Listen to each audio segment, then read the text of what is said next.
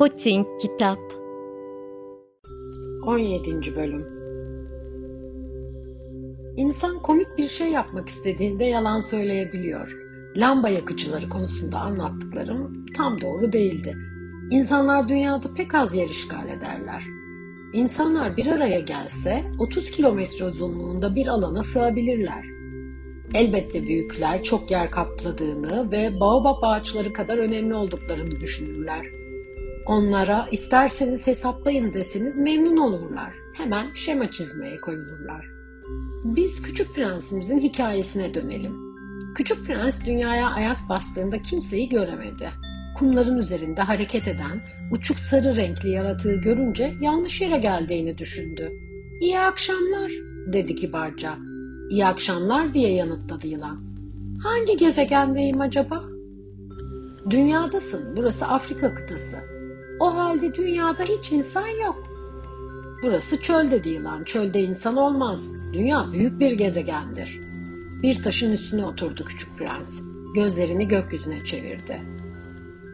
Acaba yıldızlar tek tek yansaydı o zaman herkes kendi gezegenini tekrar bulur muydu? Bak benim gezegenim tam üstümüzde ama öyle uzak ki. Ne kadar güzel bir gezegen dedi yılan. Neden buraya geldin? Bir çiçekle bazı sorunlarım oldu diye yanıtladı küçük prens. Peki insanlar nerede? İnsan kendisini çölde çok yalnız hissediyor. İnsanların içinde de öyle hissedersin dedi yılan. Arada pek fark yoktur. Yılanı izledi. Çok tuhaf bir hayvansın dedi sonunda. Bir parmak inceliğindesin. Ama büyük kralın parmağından daha güçlüyümdür dedi yılan. Küçük prens güldü. Pek güçlü görünmüyorsun, seyahat edemezsin. Seni bir geminin götürebileceğinden çok daha uzaklara götürürüm dedi. Küçük prensin ayak bileğine dolandı. Altın bir bilezik gibi görünüyordu orada. Dokunduğun kişiyi geldiği yere geri göndereceğim. Ama sen safsın, masumsun ve bir yıldızdan geliyorsun. Küçük prens bir şey söylemedi.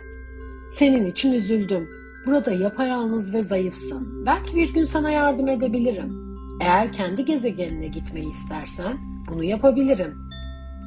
Seni çok iyi anladım dedi küçük prens. Ama neden hep bilmece gibi konuşuyorsun? Bu bilmeceleri çözüyorum dedi yılan. Sonra her ikisi de sustu.